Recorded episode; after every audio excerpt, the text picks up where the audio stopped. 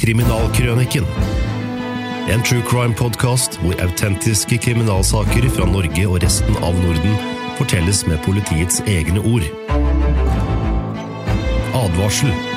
Denne podkasten inneholder sterke skildringer som kan virke støtende for noen. Sevlegutten, del 1. Denne episoden er bygget på en tekst av politibetjent Bernhard Sandtveit.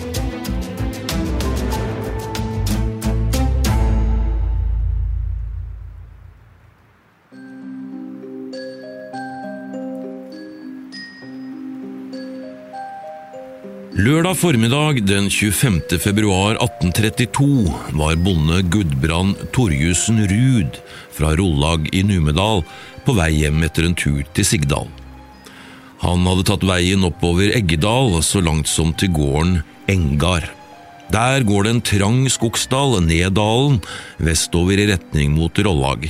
I denne dalen går det en liten elv som heter Nedalselva. Et langt stykke går den i et trangt juv. Den dårlige bygdeveien går et stykke opp i dalsiden. Et stykke vest for Nedalen stanset veien, og bare en gangsti fortsatte videre. Det lå fire–fem gårder, eller plasser, her inne på skogen. På denne tiden kom det sjelden noen, bare de som bodde på gårdene og de som skulle over til Rollag. For Gudbrand Ruud var dette en snarvei hjem.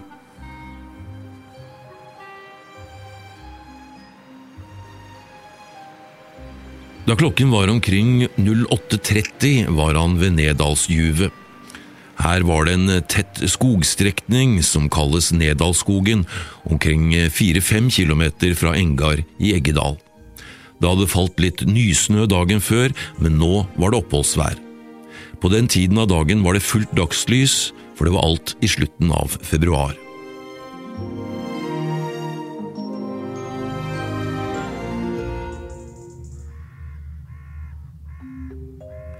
Plutselig fikk Gudbrand se at det var blodspor på veien.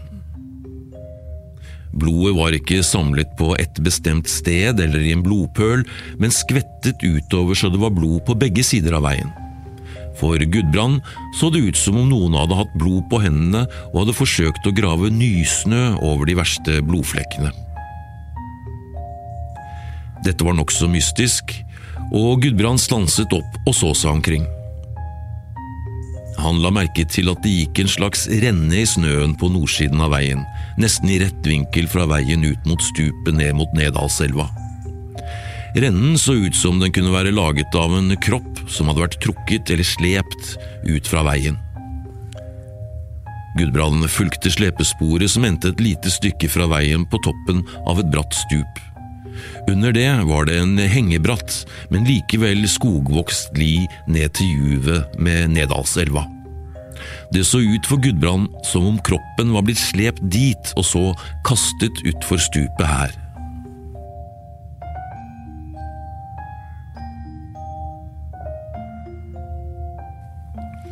Gudbrand tittet ut fra stupet så godt han kunne, og fikk se at det hang en mannskropp i et tre like under stupet. Kroppen hang etter den ene foten som hadde hektet seg fast i en kløft i treet. Kroppen hang med hodet og armene ned. For Gudbrand så det ut som om mannen var slått i hjel eller myrdet på annen måte. Gudbrand forsto iallfall at dette var alvorlige saker. Han hadde spent av seg skiene da han begynte å undersøke de uhyggelige sporene, men nå spente han de på seg igjen og la i vei til det han mente var nærmeste gård.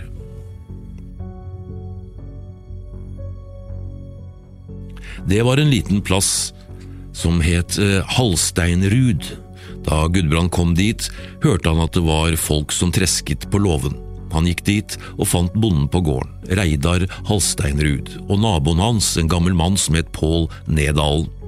Disse karene fant straks fram rep, spente på seg skiene og ble med Gudbrand tilbake.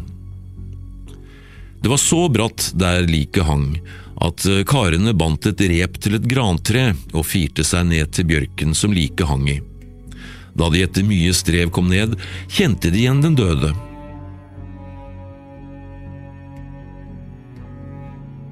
Det var en omvandrende selger fra Veggli i Numedal, Tollef Gjermundsen Kittelsland, som ofte ble kalt Sølvtølløf. Han hadde reist rundt og solgt varer til folk på gårdene i mange år i bygdene Numedal, Siggedal, Eggedal, Krødsherad, Flesberg, Kongsberg og der omkring. Han eh, handlet mest med sølvsaker som søljer, spenner, knapper, klokker og lignende, og det var derfor han hadde fått kallenavnet sitt. Han var godt likt og velkommen overalt fordi han var en godmodig og snill kar, hadde et godt humør og var full av spøk og muntre historier.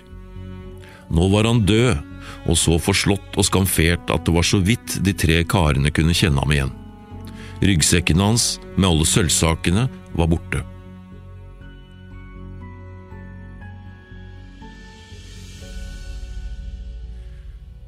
Gudbrand Ruud og Reidar Halstein Ruud dro til bygda for å varsle lensmannen, men dit var det langt å gå. De gikk innom gården Engar og fortalte om mordet til bonden der som het Asbjørn. Det ble stor oppstandelse. Asbjørn hentet hest og slede og kjørte de to karene nordover til lensmannsgården som lå omkring en gammel norsk mil fra Engar oppe i Eggedal. Lensmannen het Torstein Kopseng. Han var blitt lensmann som ganske ung mann i 1804, bare 24 år gammel. Nå var han blitt 52. Straks han fikk meldingen om drapet på Sølvtølløf, kalte han sammen noen karer og dro sørover. Lensmannen og folkene hans kom fram ut på ettermiddagen. Liket ble hentet opp fra bjørka i juvet, men før det ble brakt til Øvre Engar, ble klærne grundig undersøkt etter ordre fra lensmannen. En velfylt lommebok som Sølvtøllef hadde hatt på seg og vist fram flere steder på turen til Sigdal og Eggdal, var ikke å finne.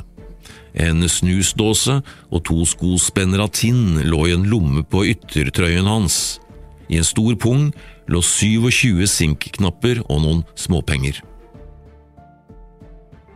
Lensmannen og folkene hans lette lenge etter ryggsekken til Sølvtøllef, men den var ikke å finne noe sted. De syntes likevel det var lite trolig at morderen torde å gå rundt med Sølvtøllef sin ryggsekk, for den var kjent av alle i bygdene der omkring. Skiene til Sølvtøllef fant de nede i juvet, de var blodflekket, og det ble tatt som et tegn på at han var blitt overfalt med skiene på. Ved siden av slepesporet ble det funnet to oksepeiser. Det var tynne stokker som spisset ned mot den ene enden. Disse ble den gang brukt som forsvarsvåpen eller som svepeskaft, altså som skaftet på en pisk. Den ene av dem var forholdsvis lang og tynn og ble gjenkjent som Sølvtøllefs egen. Den andre var tykkere og kortere og hadde hatt jernbeslag i begge ender. Beslaget i den tykkeste enden var imidlertid slått av og ble funnet i snøen like ved. Videre fant lensmannen og folkene hans sliren til en tollekniv like ved stedet på veien hvor det var flest blodspor. Alle sakene ble samlet og tatt vare på.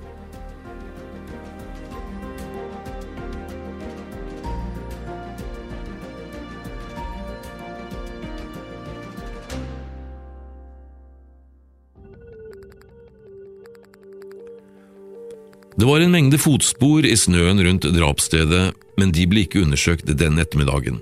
Den eh, korte vinterdagen var snart slutt, og mørket begynte å sige på. Lensmannen nådde ikke frem til drapsstedet før utpå ettermiddagen, og mørket kommer tidlig i februar.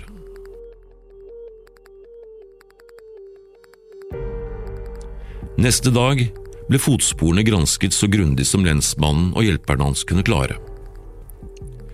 Det viste seg at drapsmannen hadde hatt støvler med heljern, altså en jernring under støvelhælen, mot ytterkanten, og det var uvanlig i bygda der på den tiden. Hæljernet på den venstre støvelen var noe bredere i det ene hjørnet enn i det andre, og det var festet med tre spiker, én i hvert hjørne og én på midten. Formen på dette heljernet ble nå skåret ut så nøyaktig som mulig fra et spillkort som så ble tatt vare på.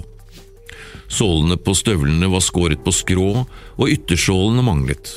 Dette ble også notert og tegnet av så godt det lot seg gjøre, og lengden og bredden på fotsporene ble målt og skrevet ned. Fire mann ble satt til å følge disse fotsporene. Det viste seg at de kom fra Øvre Engar, men tok av fra gårdsveien og gikk i løssnøen over et åpent jorde og gjennom et skogstykke frem til en gammel badstue som lå like ved Nedalsveien. Ved badstuen var snøen hardtråkket. Morderen hadde åpenbart stått der i lang tid og ventet. Avtrykket av helhjernen og sålene var nøyaktig de samme som på drapsstedet. Derfra var det ikke vanskelig å følge sporene tilbake mot bygda. De fire karene undret seg over at en mann som hadde begått en slik ugjerning, var så likeglad med sporene sine. Morderen hadde først gått et stykke nedover langs Nedalselven mot Engar, så hadde han tatt av fra veien og brøytet seg fram i løssnøen til fots. Et stykke fra Øvre Engar hadde han gått nedover lien mot Nedalselva. Sporene førte ned på elveisen til en liten, åpen råk. Der var det tydelige merker etter en mann som hadde ligget på en trøye eller noe lignende og drukket vann. Det var også avtrykk etter en tung ryggsekk i snøen og noen blodspor der mannen hadde ligget og drukket. Fra råken fortsatte sporene et stykke bortover isen på Nedalselva, men i god avstand fra Øyabrua, hvor bygdeveien går over.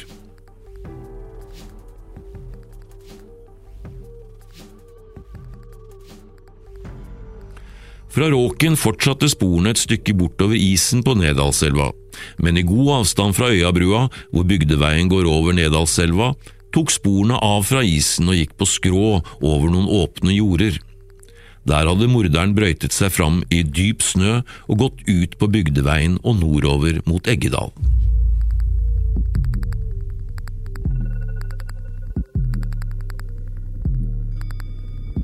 Liket av Sølvtølløf ble lagt på en skikjelke og trukket ned til Øvre Engar. Derfra ble det kjørt med hest og slede til lensmannsgården på Kopseng, eller Kofse, som gården ble kalt på folkemunne. I lensmannens rapport til Justisdepartementet heter det at liket er skrekkelig mishandlet, ansiktet, hodet og klærne er oversmurt av blod. Foruten et stort sår i halsen er det registrert en mengde sår av større og mindre betydning i ansikt og hode. Det er også en rekke snitt, som av en kniv både på utsiden og innsiden av hendene. Disse har trolig oppstått ved at den myrdede har forsøkt å verge seg mot kniven.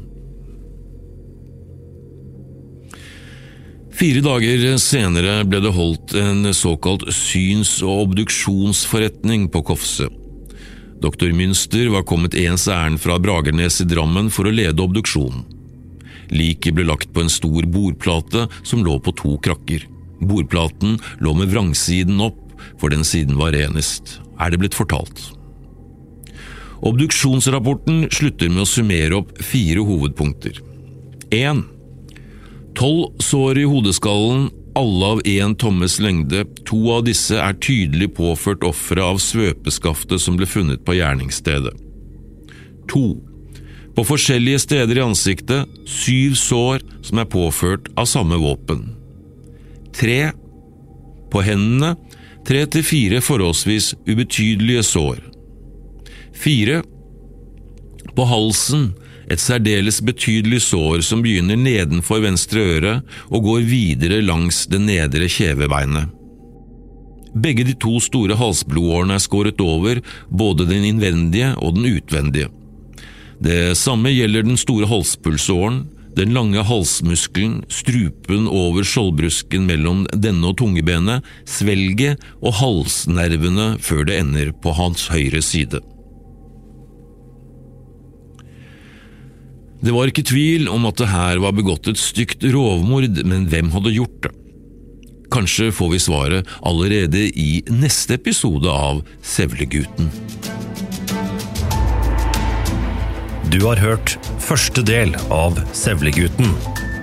Denne historien er bygget på en tekst av politibetjent Bernhard Sandtveit. Forteller Hans Olav Tyvold.